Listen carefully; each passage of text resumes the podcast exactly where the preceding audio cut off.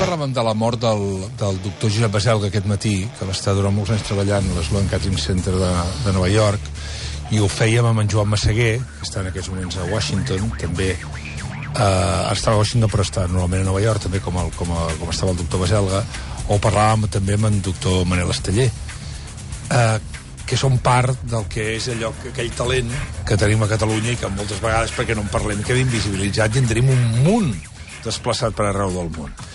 Um, és el cas de, del que va passar amb la catalana Anna Navarro Schlegel, a qui la revista Analysis Insight ha escollit com la dona més influent del món tecnològic de l'any 2020. Nascuda a Olot, actualment, Navarro és la vicepresidenta de NetApp, que és l'empresa número 1 en l'emmagatzematge de dades amb seu a Silicon Valley, i la revista l'ha distingit per la seva dilatada trajectòria professional, la contribució a l'enginyeria global i per visualitzar la dona en l'àmbit de la tecnologia. Anna Navarro Schlegel, bon dia i moltes gràcies. Hola, bon dia. Anna Navarro o Anna Schlegel? Anna Navarro Descalç. Anna Navarro Descalç. Uh, mantens el contacte en Catalunya i bé sovint o no? Moltíssim, sí, cada any dos, tres cops. Mm. Què suposa per, per l'Anna la, per Navarro aquest reconeixement de dona més uh, influent en el món de la tecnologia? És, una, és un títol, dit així, que, es, que, que espanta molt, eh? Sí, al principi em va espantar molt i després, quan et van entrevistant, vas veient per què, no? I és perquè falten molts referents. Hi ha, hi ha moltes dones, hi ha dones, hi ha moltes Annes, eh, però potser la diferència és que fa molts anys que, que he començat ONGs per ajudar a les dones a entrar en el món empresarial, eh, a que s'entrenin, a que estiguin fortes, a que es quedin a dins de les empreses, a ensenyar a innovar, a que no tinguin por, molts de campaments de nenes petites arreu del món, a, a l'Àfrica també. Sí. Com arriba una... Entès que va començar a estudiar filologia. sí, aquí a Barcelona, sí. Aquí a Barcelona. Com hi arriba una filòloga d'Olot um, a la meca de la tecnologia com a Silicon Valley i de l'emprenedoria? Doncs amb molts passets petits, jo vaig començar fent traduccions tècniques i vaig, uh, vaig obrir una empresa de, tradu de traduccions al Silicon Valley i un cop un client meu em va dir com, com el que estàs fent, l'agència que tens de, de traduccions i d'ajudar uh, empreses a entrar a altres països, hi ha una empresa que et vol conèixer que es diu Cisco, Cisco Systems, i jo en aquell moment, no sé, tenia 24, 25 anys, no sabia molt bé què era Cisco, i vaig anar i el dilluns següent ja vaig començar a treballar a Cisco, i la primera feina va ser doncs, com entrarien ells al Brasil i a Colòmbia, i, jo, perquè es pensaven que era espanyola, doncs els podria ajudar. I llavors? doncs vam començar. Vaig ser el, la primera persona que va començar l'equip de globalització de, de Cisco. Vam, vàrem ser cinc europeus, de fet, que vàrem començar a globalitzar Cisco als, als anys 90 ja. De fet, als Estats Units és un mercat ja, una marca per si sola, perquè ens entenguem, amb molt volum de negoci. Eh, quan, quan arribes a, a, als Estats Units, a Silicon Valley, hi havia poques empreses, que allò que anomenem ara globals. No, que No, exactament, vaig arribar a bona hora. Sí, En el moment adequat. Era, sí, sí, sí, jo me'n recordo eh, sentir la paraula localització per primera vegada potser a meitat dels anys 90 i em va fer molta por perquè jo no era enginyera i pensava, no, quina por, no ho faré mai, això mm. jo, però vaig començar a aprendre, vaig uh, aprendre molt de la cap de globalització de, de Yahoo. En aquell moment era una de les primeres empreses que, que estava molt globalitzada i vaig pensar, bé, si aquesta senyora ho fa, jo també ho puc aprendre. Mm. I la veritat que la, la gran escola d'enginyeria va ser Cisco, que hi vaig passar uns sis anys, eh, on sí, vam anar a la Índia i al Japó i ja aprendre com, com obrir oficines, com portar un, producte a un altre país, ja amb problemes de governs, amb problemes de seguretat, amb problemes de- d'espionatge, de, amb problemes de tot, no?, per entrar un producte arreu del món. Què és NetApp? El NetApp és l'empresa d'emmagatzement de dades número 1 ara als Estats Units, de, bueno, i potser del món, que fa software per eh, transpassar o emmagatzemar les dades al núvol. Estem treballant moltíssim amb Google, amb Amazon i amb Microsoft i som els serveis de darrere d'aquests hyperscalers que se'n diuen que fa tot l'amagatzament, el backup, la seguretat, fa que, que tu vagis a Movistar i et passin les dades del teu iPhone amb un altre iPhone en mitja hora, no? Uh Mhm. -huh. Nosaltres som els que fem tot això. I què, i què fa la, la Navarro en aquesta empresa? Abans de ser la vicepresidenta, que això... Comencem per aquí. Bé, doncs no vaig començar de vicepresidenta, vaig començar portant l'equip de digital eh, per entrar també en altres països, quan vaig entrar fa 12 anys, i amb els últims 12 anys doncs, he anat passant per molts equips diferents i per arri arribar a dalt de tot has de passar per molts equips. He passat per l'equip d'estratègia, equip d'enginyeria, equip de traduccions, equip de, de producte, de màrqueting, estat tot a tot arreu. Uh, ara és aquí quan entren en acció dos amics del programa, com són Josep Maria Ganyet. Hola, Ganyet, bon dia. Bon dia. I també en Jordi Celles. Hola, Celles, bon dia. Bon dia, Jordi. Jo t'he de dir que com a olotí, també com l'Anna, vaja, l'orgull no pot ser més, més gran, diguem-ne. Tens dos olotins avui aquí. Visca Olot, eh? Exacte. Uh, clar, la pregunta que anem a fer ara és on es guarden aquestes dades que abans parlava que abans parlava l'Anna, no? En un espai físic o això que anomenem el núvol? Doncs en, en els dos llocs, no? El NetApp, que ja és una empresa que fa 27-28 anys que va, va començar amb espais físics, no? I hi ha moltíssimes empreses que la majoria de les empreses encara ho té tot amb els, els espais físics i que són com els armaris, aquests com unes neveres enormes i grosses, doncs és com es feia abans, no? Però aquestes coses cada vegada són més reduïdes, Més rupestres, no gairebé, diria, més, més decimonòniques. hi ha no? menys, hi ha menys hardware, hi ha menys uh, quincalla, no? Sí, sí. sí. I ja tot passa pel núvol. I ara s'estan posant centres en llocs molt puntuals, per exemple, si... A veure, ara no, no puc dir noms de clients, no? però parlem de Pfizer, per bueno, sí, exemple. per exemple, pugui, sí, sí. Sí, sí, que vulguin tenir serveis a Alemanya, doncs posem uns centres de dades a, a prop de Frankfurt, no? per uh -huh. exemple, i estem uh, formant uns centres de dades en allà. Bueno, suposo que amb clients com aquests, qüestions com el de la eh, seguretat i la privacitat deuen ser, vaja, no bàsiques, no, eh, el següent. Això us encarregueu vosaltres o les mateixes empreses? Nosaltres, bueno, espera, nosaltres donem el servei, tenim com uns 42.000 clients, tenim tots els Fortune 500, són clients nostres, i els altres 41.500 també. I el que fem són serveis professionals per ajudar-los a que ells, que ells tinguin molt d'èxit, de que ells guardin les seves dades i les facin servir de la, de la millor manera possible, que no tinguin problemes amb governs, amb regions, amb temes legals, amb privacitat, amb el que necessiten els clients... Amb... I llavors també fem molt que col·laborin entre les empreses, no? Per exemple, que els hospitals col·laborin molt ràpid, que els sistemes eh, satèl·lits col·laborin molt ràpid, fem molt que les empreses col·laborin entre elles, també. Uh -huh. Aviam, Ganyeda, un comentari que vulguis fer. Molts, eh, primer que tot, eh, jo estic molt content de tenir-la aquí, eh, i us recomano que la, la seguiu tots a Twitter, que és Anna Pavellona, eh, i sabreu la seva actualitat.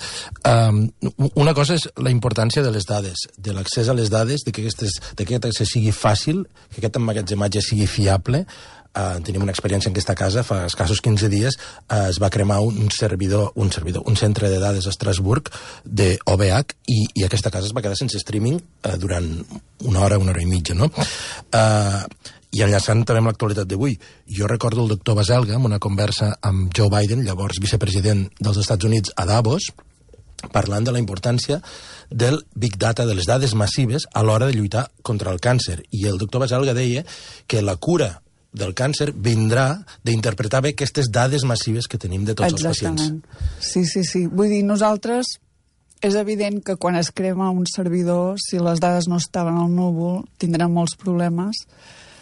Els hospitals, els aeroports, els bancs, el Hollywood, tothom ha de tenir les dades super, super segures uh -huh.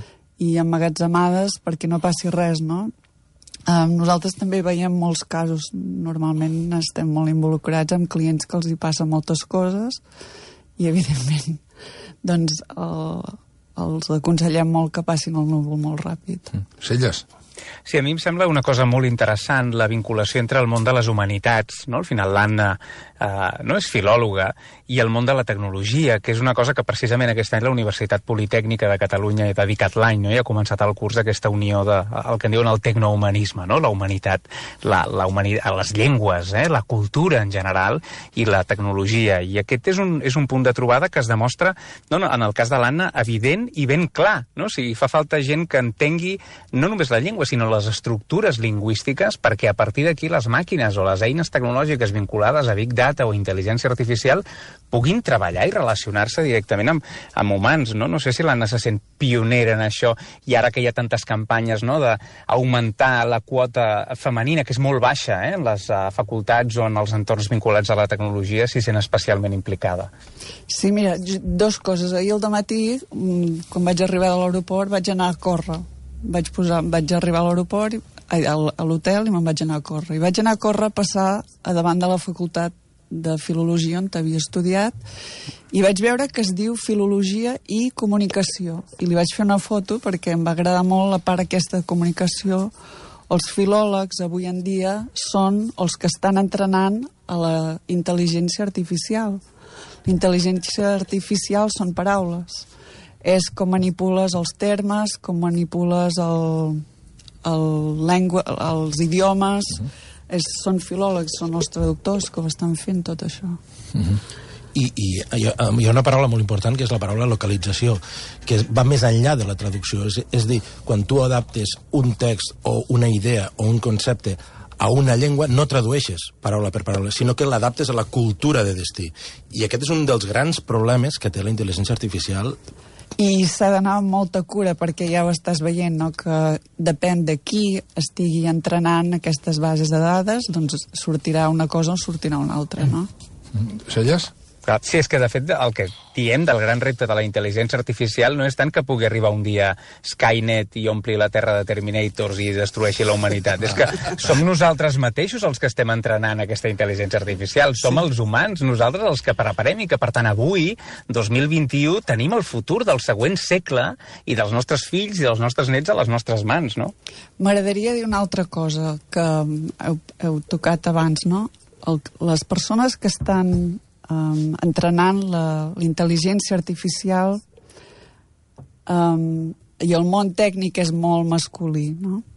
Uh mhm. -huh. I falten molt les dones, no? Jo demano molt a les filòlogues que es posin dins de la tecnologia. Això de que deien ets de lletres o ets de ciències ja no serveix gaire, no? Tot això la gent de lletres ha d'entrar en el món de la tecnologia jo últimament estic molt relacionada aquí a Catalunya amb la Joana Barbany, que amb el, el dijous farem els premis d'on estic, i també he fitxat per Aula Magna, que és una empresa de la portada per la Clara La Piedra, que estan fent uns currículums perquè les dones es quedin molt ben entrenades després de la universitat per, per quedar-se fortes en empreses tecnològiques. No falten, falten les dones perquè si els productes només estan fets per als homes no acabaran reflect, reflectint no, la, la societat. Uh -huh. És un element important això que comentava, perquè a més la, la també està en una ONG que es diu Women in Local Localization, sí.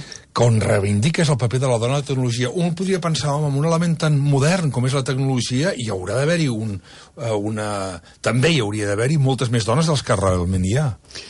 Mira, està al Silicon, tinc les dades del Silicon, hi ha, um, bueno, que està el Facebook, que està el PayPal, el Google, estan totes allà, hi ha moltíssimes, mils i mils d'empreses, no?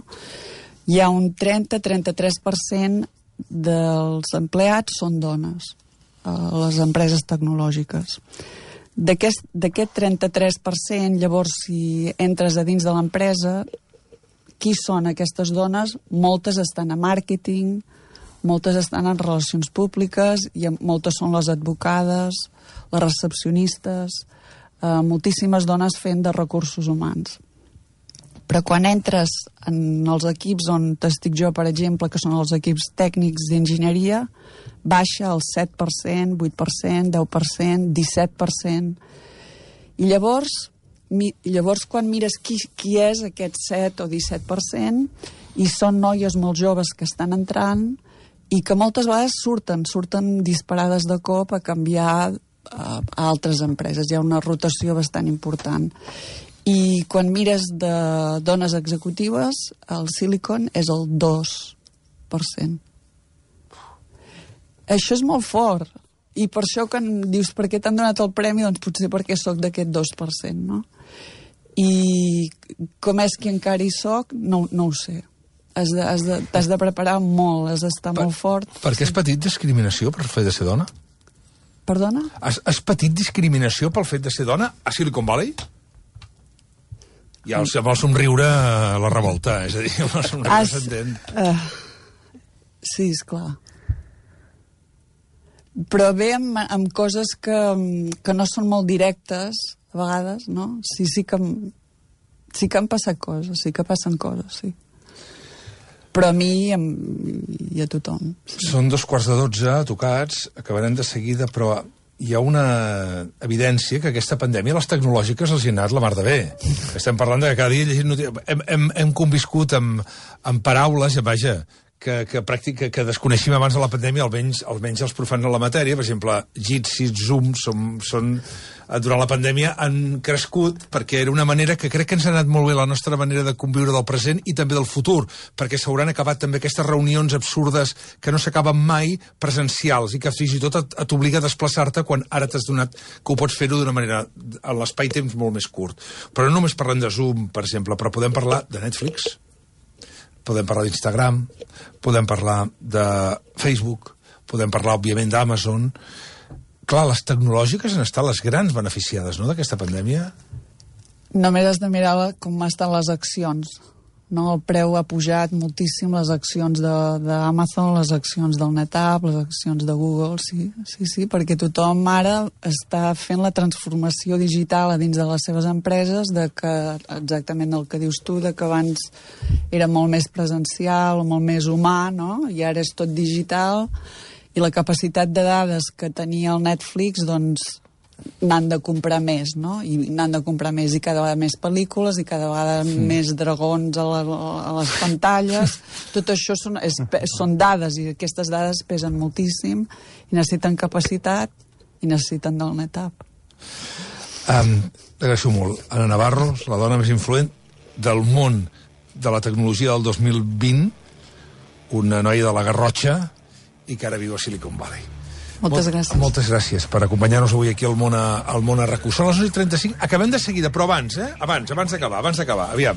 Volia parlar de Twitter. Per cert, deixa'm de la perspectiva, per, per, perdona, Anna, la perspectiva de Twitter, en vista als Estats Units, en vista la mirada de Silicon Valley, és una empresa, diguem-ho, molt més important del que pensem, molt menys important del que eh, donem a entendre. Què significa Twitter en el món Silicon Valley en aquest moment? Significa que les empreses com Twitter estan passant per davant del govern. Està, varen fer que callés el president que ha marxat, no? És, el, va, el van, el van Sí, sí, el treure. van- el el, van- varen treure. Jo això vaig trobar que les empreses, les corporatives, com estàs veient les coses que està fent l'Elon Musk o que estan fent els presidents d'aquestes empreses, doncs tenen molt i molt de pes, són molt i molt importants. Uh -huh. Hi ha hagut una empresa nova que ha arribat, que diuen que, eh, Ganyet, ahir en parlava La Vanguardia, va fer dues pàgines La Mela i La Vanguardia, parlant de... qui diuen que podria ser, podria ser, diguem-ho, la nova arribada d'un nou Twitter, d'una manera d'entendre... que- D'aquesta, com, com es diu la... El Clubhouse, no? El, El Clubhouse, Clubhouse. sí. El Clubhouse als Estats Units està sent molt important. eh? El Clubhouse ja tinc no sé quants seguidors. Ja. Sí, sí, és, és et trobes... Um, T'han de convidar. Sí. Bé, és una tonteria, no?